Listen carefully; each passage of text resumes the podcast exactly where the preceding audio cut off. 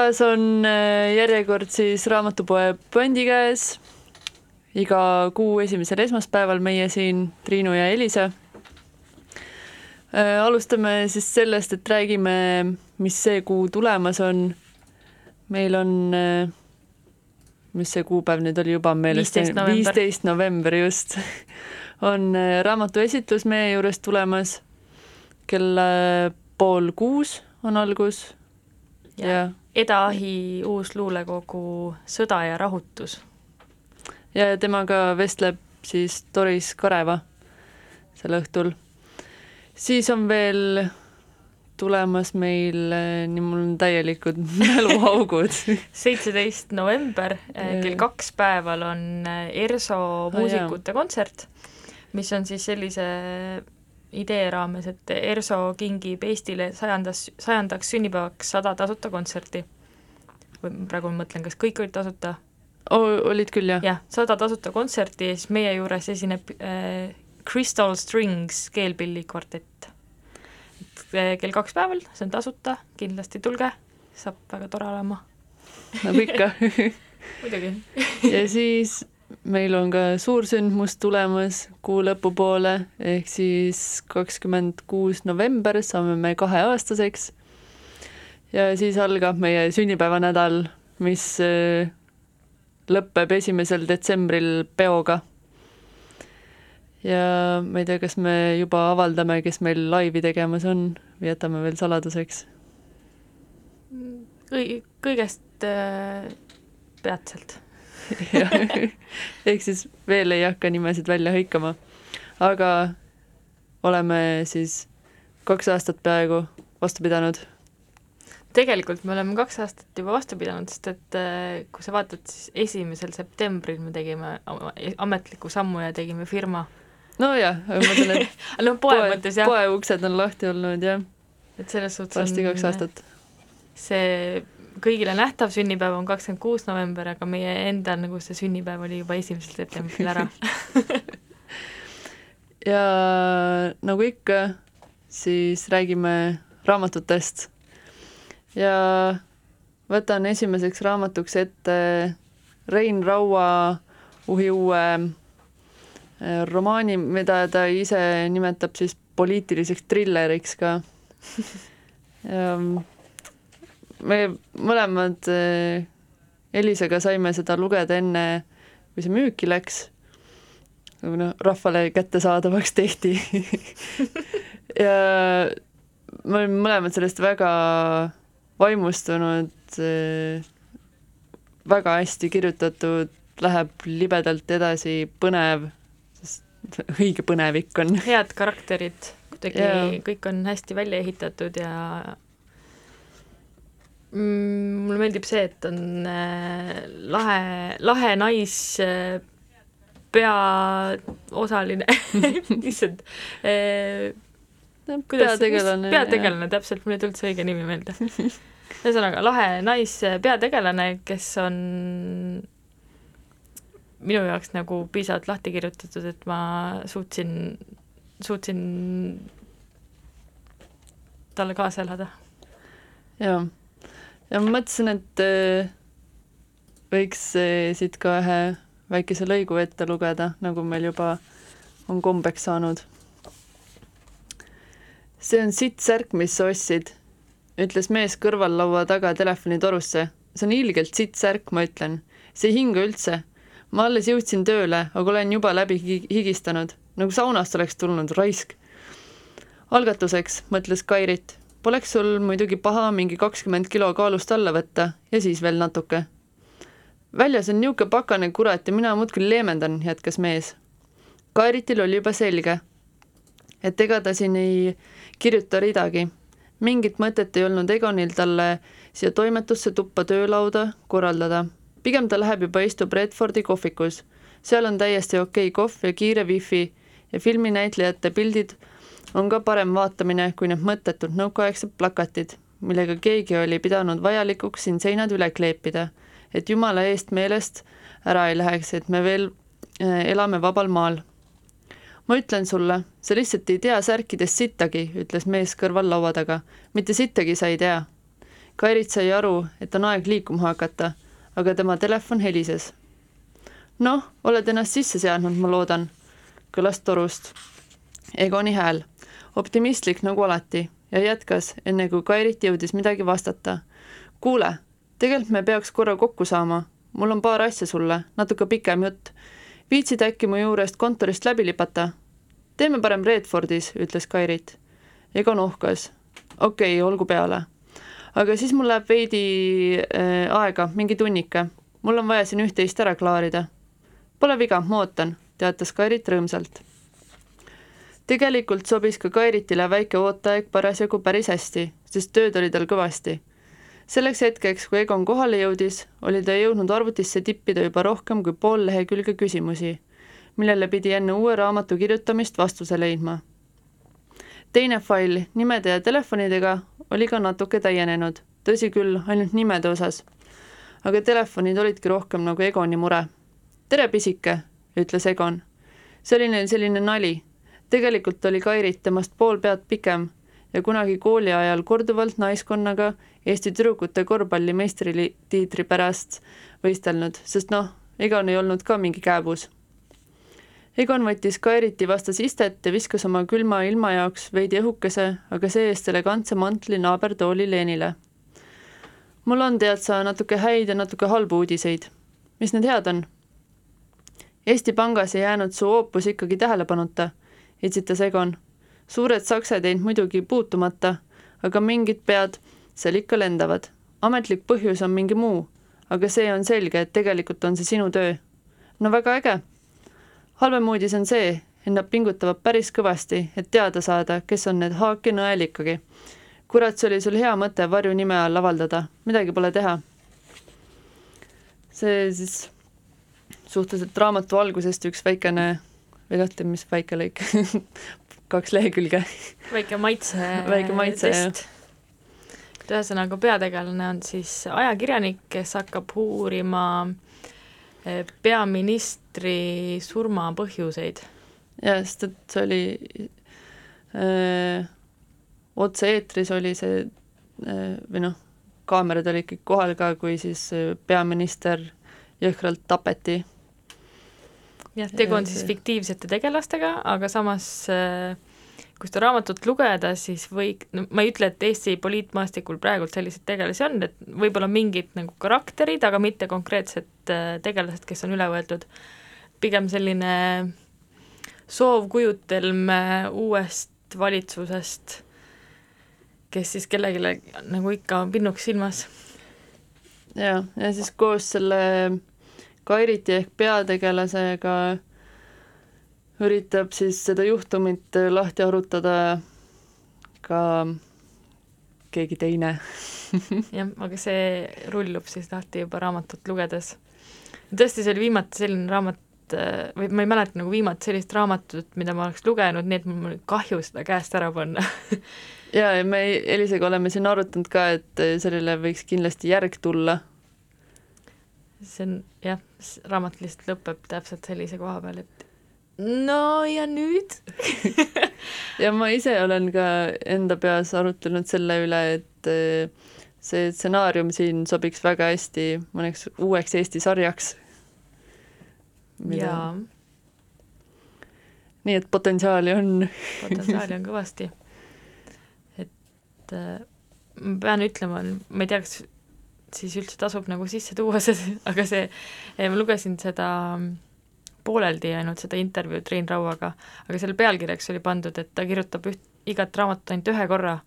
nii et samas, kui see lõpp on nagu nii lahtiseks jäetud, noh, selle raamatu mhm. teema on nagu läbi ammendatud, no mitte ammendatud, aga läbi kirjutatud, et aga see võiks sealt edasi minna, et siis, kui ta ütleb, et ta kirjutab ühte raamatut ühe korra, et kui ta sama liini pealt jätkab, kas see on siis nagu uus raamat või ta on nagu vana jätkamine seda ei oska siin ennustada hetkel. jah, ma lihtsalt äh, yeah.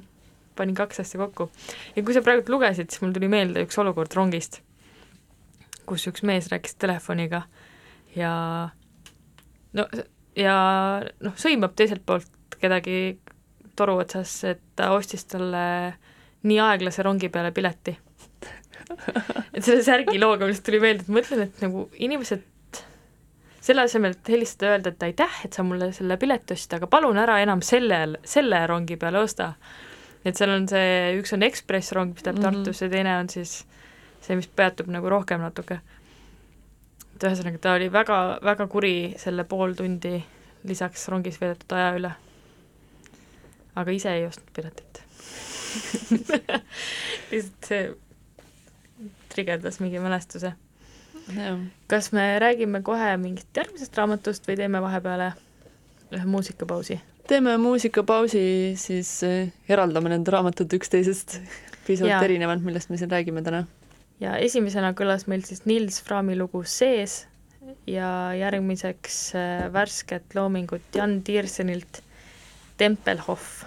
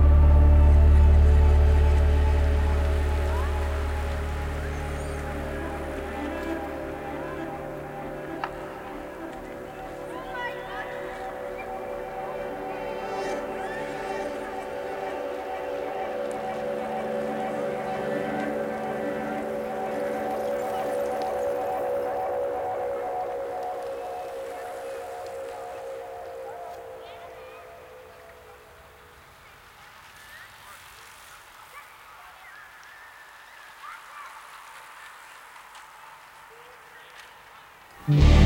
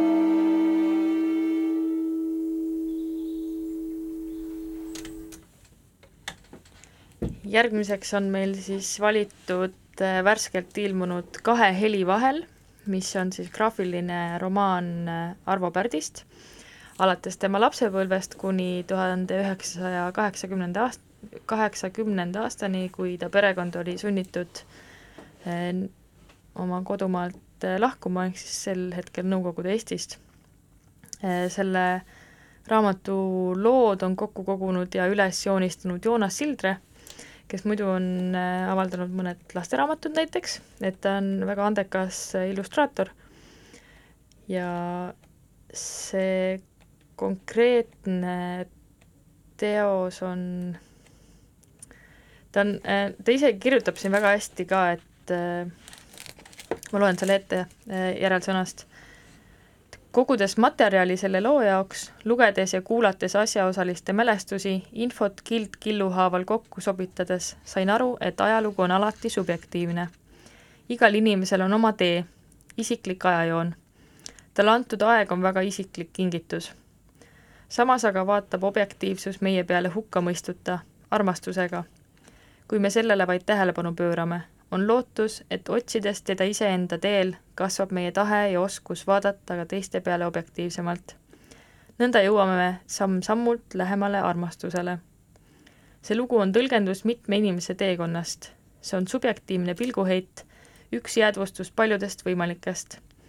ainulaadne, kuid kaugelt mitte ainuke. loodan, et see avab mõne ukse edastistele otsingutele. et eh, kuna ta on, eh, ta räägib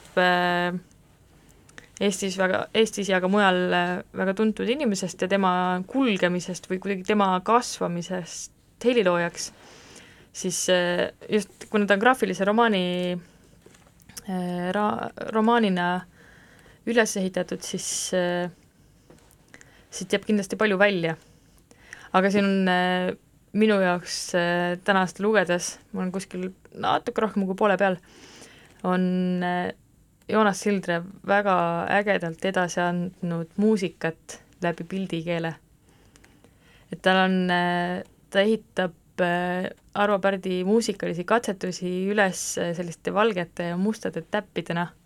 ja siis, kui heli on kõvem, siis on sellised suured täpid ja siis ta joonistab teekondasid, kuidas muusika kulgeb ja siis mis heli nagu, kui tugev heli sealt lõpust välja tuleb. ja muidugi ma tundsin seda raamatut lugedes, et et ma et ma kuulen seda raamatut ma arvan, et meil äh, noh, kes on äh, siis kursis Arvo Pärdi muusikaga, et äh, meil on lihtsam sellest võib-olla ka aru saada, et kui selle raamatu võtab kätte inimene, kes pole kunagi Arvo Pärti kuulnud, siis võib-olla on, võib natukene segadust tekitav olla.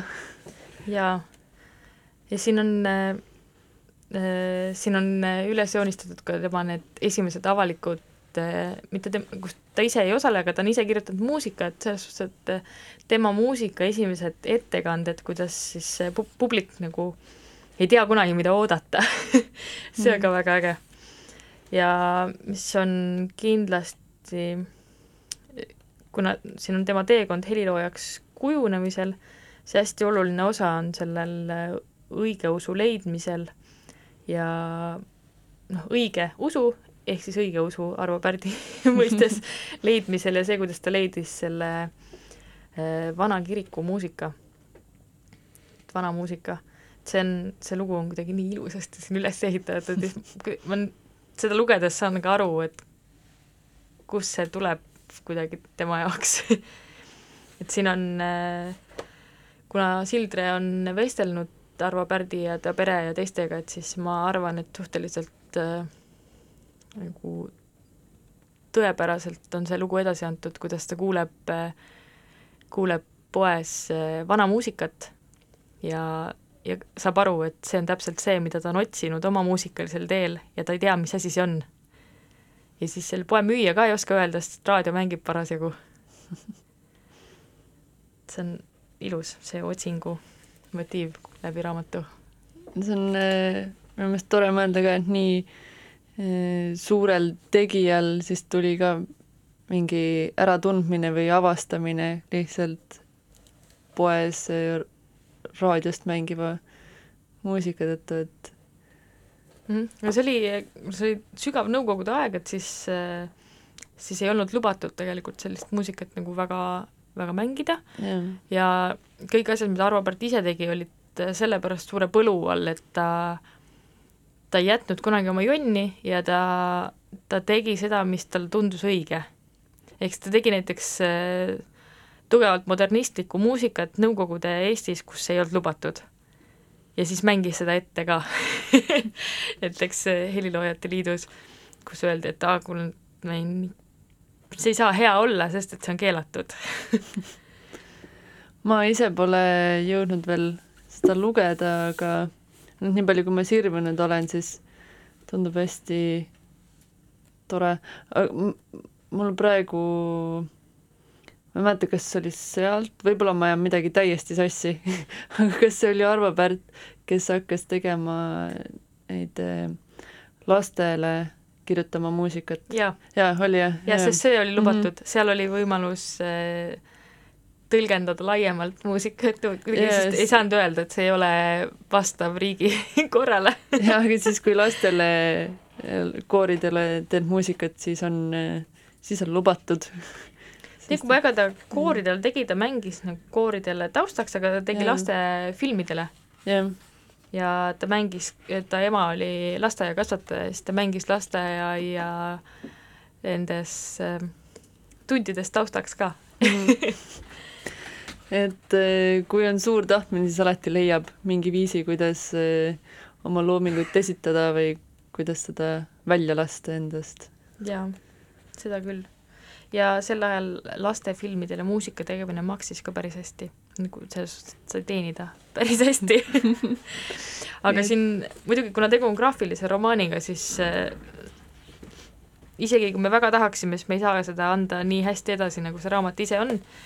et äh, tulge meile külla, vaadake äh, või kui te satute Arvo Pärdi keskusesse, mis hiljuti avati, siis seal on see kindlasti olemas, et avamisõhtul esitleti ka seda raamatut. ja, ja suurepärane teos. Eh, Triinu luges siit vahepeal, et Joonas eh, tegi seda raamatut kümme aastat mm. -hmm, vastab tõele. et eh, ja siis me valisime siit järgmiseks looks ka Arvo Pärdi loo, üsna tuntud, Für Alina, aga me valisime selle loo sellepärast, et Joonase naise nimi on Elina ja tema on selle raamatu pühendanud Elinale ja siis meie mängime lugu Alinale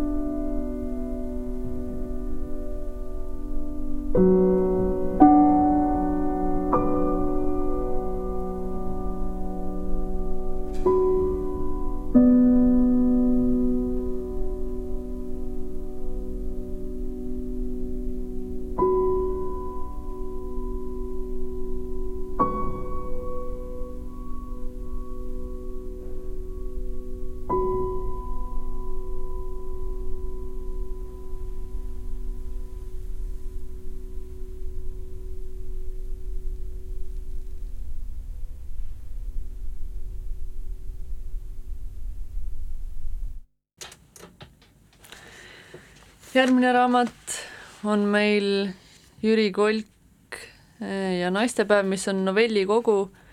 see ilmus juba eelmi- Eelmisel aastal? eelmisel aastal, mil esitlus toimus meie juures aga äh, Jüri Kolgi novellid siin äh, raamatus on äh, toredalt argised vist mõnes mõttes. Et äh, ja noh, ikka läbi kerge nalja käib siis äh, meie nii-öelda murede või mingite olukordade kirjeldamine.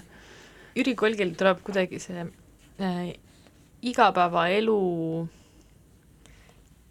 mitte ainult, aga no ühesõnaga tal tundub nagu, et ta kirjutab äh, sellistest argistest asjadest äh, nii vaimukalt, isegi kui ta ei proovi nalja teha, siis see kuidagi, see on naljakas sest et see on nii tõeline. et see mingi äh, obsessiivmõtted või mingisugused äh, asjad, mis, mis võivad juhtuda, mis kunagi ei pruugi juhtuda, sest need tema lugudes tunduvad nii reaalsed ja kättesaadavad ja see ka, et kui me iseenda peas ketrame mingeid totakaid mõtteid või muresid ja kui need välja öelda tegelikult, kas või endale kõva häälega, siis saad aru, et kui nõme või ka niisugune hale naljakas see kõik on. ja ma arvan, et see toimib ka, et ta on need inimeste, noh, meie peas keerlevad äh,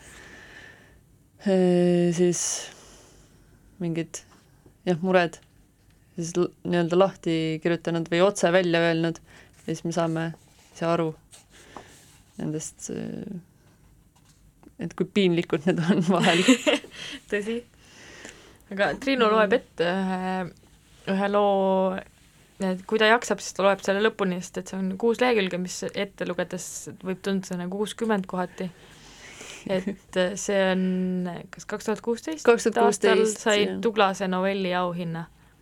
ja siis see on siia raamatusse peidetud nimi on sellel sünnimärk. Hakkasin mõtlema, kus ma tahaks elada. esimese asjana mõtlesin välja linna ja no ikka Tartu. see on teatud siselodevus, pagulus, aga olgu pealegi. olen liiga vana, et minna Berliini või Prahasse lahedate inimeste sekka.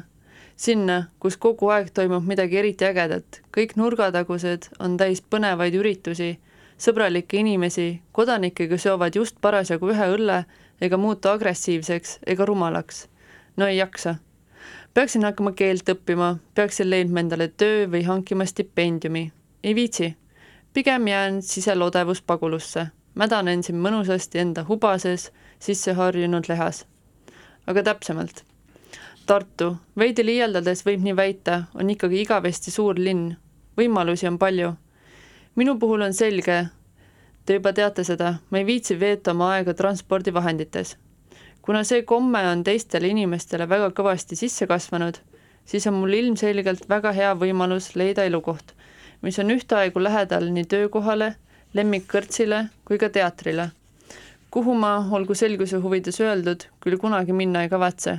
lihtsalt hea, kui mul on see võimalus. kujutlesin, milline võiks olla mu korter.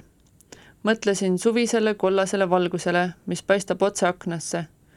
tõsi, kuumemal suvel on küll palav, aga mis siis, elame üle. korter on ahiküttega, muidugi on ta puumajas ja mingis mõnusas rajoonis. elutoas, nii ma seda näen, on kaks suurt raamaturiiulit, ümmargune vana puidust laud ja tugitool. muidugi on seal veel natuke mööblit ja kolu, ma mõtlesin selle kõik välja, viimse põrandi praani, aga ei ole kuidagi võimalik, et ma seda teile kirjeldan ja te jaksate lugeda ütlen nii palju, et ma panin silmad kinni ja hakkasin tasapisi mõttes seda tuba endale joonistama.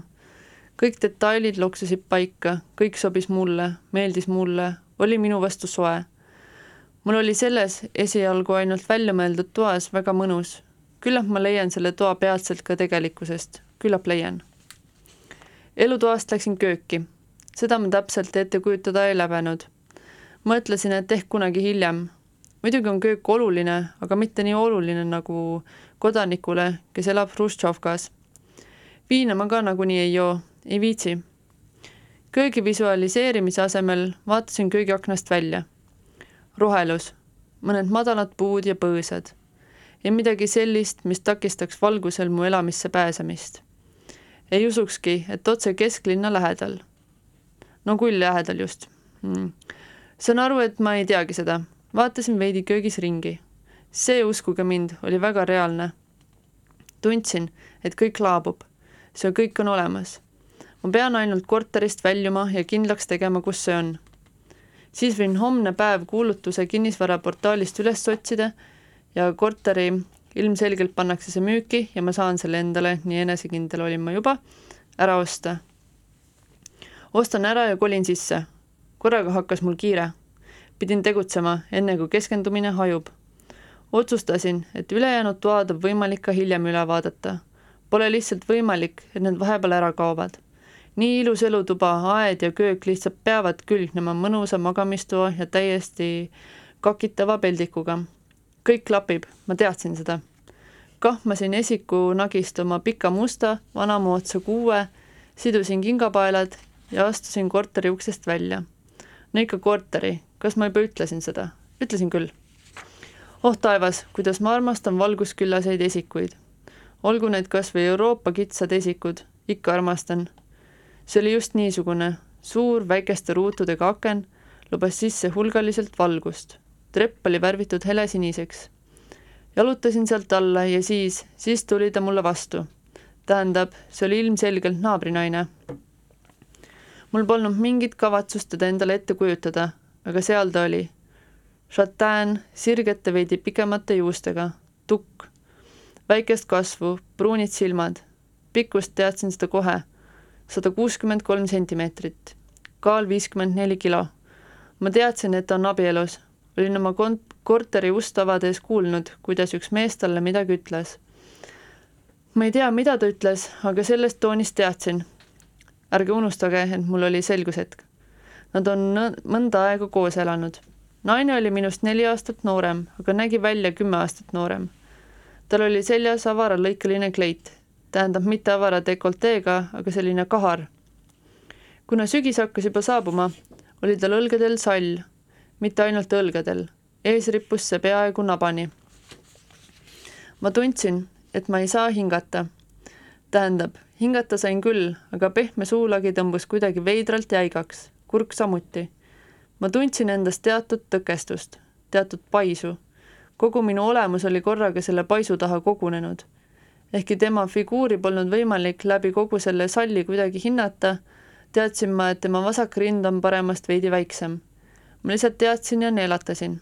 me oleks üksteisest üpris vabalt mööda mahtunud, aga ma jäin seisma ja taganesin vastu seina. mulle meenus, et peaksin hingama, peaksin hingama, peaksin hingama. Kiskusin teatud pingutusega pehme suulae neelust välja ja tõmbasin korra õhku sisse. ta lõhnas just nii, nagu olin oodanud ma küll ei raatsinud seda välja lasta, aga ma ei saanud endast väga rumalat muljet jätta. hingasin uuesti välja, hingasin raskelt nagu vihma käes seisev veis. ta noogutas mulle kergelt, kõhkles hetke, kas peaks küsima. kas teie oletegi meie uus naaber? me elame neljandas korteris. aga siis ta ikkagi loobus. Küll jõuab. pealegi olin ma väga rumalalt pinges, ma tahtsin teda uuesti sisse hingata. ma tahtsin teda uuesti sisse hingata sel hetkel tekkis mul küsimus, kas tal tõesti on vasakul puusal sünnimärk. ei midagi suurt, ei midagi erilist. see sünnimärk ei sarnaneks maakaardile. selle järgi ei saaks otsida varandust, see ei meenutaks iidset sümbolit, lihtsalt üks tibatilluke täpike ühes väga kindlas kohas. Oleksin võinud sõrme sellele panna läbi riiete. täpselt, vähimagi kõhkluseta oleksin selle ta puusadelt leidnud korraga ei olnud ma endas enam kindel. ma teadsin veel täpselt tema rindade suurust. teadsin täpselt, millise tunde nad jätaks mu kohmakatesse kätesse. teadsin, kuidas tunneks end mu sõrm, kui ta lubaks mul seda vaikselt üle enda naha tõmmata. aga selles teadmises lamas ta vasakul küljel. Mu sõrm alustaks kaelast, liiguks sealt vaikselt avastaja ja armastaja õrnusega õlale libiseks küljele ja sealt veidi selja poole tagasi et olla päris kindel, ega ma ei kõdista teda kogemata. seljalt roniks sa tasapisi õrnalt ja hellitavalt, imeaeglaselt oma teekonna iga kujuteldavat millimeetrit nautides puusale. mu sõrm tajuks kogu tema soojust, kogu tema minevikku, kõiki tema veresooni, luustikku ja vanu armastusi vanu armastusi, mille mälestused muutuks mu sõrme aeglase teekonna jooksul soojaks, südamlikuks. ma teadsin seda kõike, aga ma ei teadnud, kas tal on see sünnimärk või olin ma seda ainult ette kujutanud. olin küll valmis kihla vedama, et kui see seal on, siis tema mees, tema ei oskaks seda küll öelda, tal pole aimugi. ma ei olnud seda teadmist ta mehe peast varastanud, ei, see tuli otse, aga kuidagi ehk hoidsin hinge liiga kaua kinni, läks nii, et sürgimäe, sünnimärgi olemasolus ei saanud ma enam kindel olla. see ajas mind meeleheitele. ma pidin selle kindlaks tegema. ma olin valmis alati ennast vastu seina tõmbama, lubama tal endast mööduda. ma võiksin tema mehega sõbraks saada ja koos hoovis teinekord mõne õlle juua. ma ei teeks ühti, ühtki vihjet, mitte ühtki vihjet. Aga ma lihtsalt pean selle sünnimärgi kohta teada saama, ma pean ma pean, kõik sõltub sellest. kui ma selle sünnimärgi kohta ei tea, siis ma ei tea midagi. püüdsin oma elutuba ette kujutada, aga ei suutnud. kartsin, et kõik laguneb laiali. kõik laguneb laiali. aga ennekõike tahtsin saada kindlust selle sünnimärgi osas. ma pidin selle teada saama. pidin. ma ei teadnud veel, kuidas, aga pidin. Uks sulgus tema järel muidugi oli aeg minu jaoks hoo maha võtnud, aga lõpuks kukkus see uks ikkagi kinni. ma püüdsin uuesti keskenduda, et leida see naine, pean ma leidma selle korteri.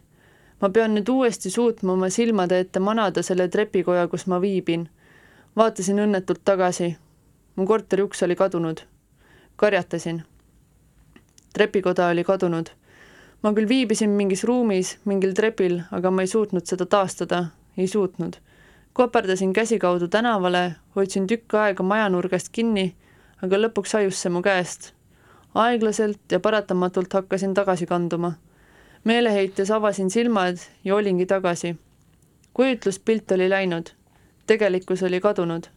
miski hall ja raske varjutas mu eest mu korterit.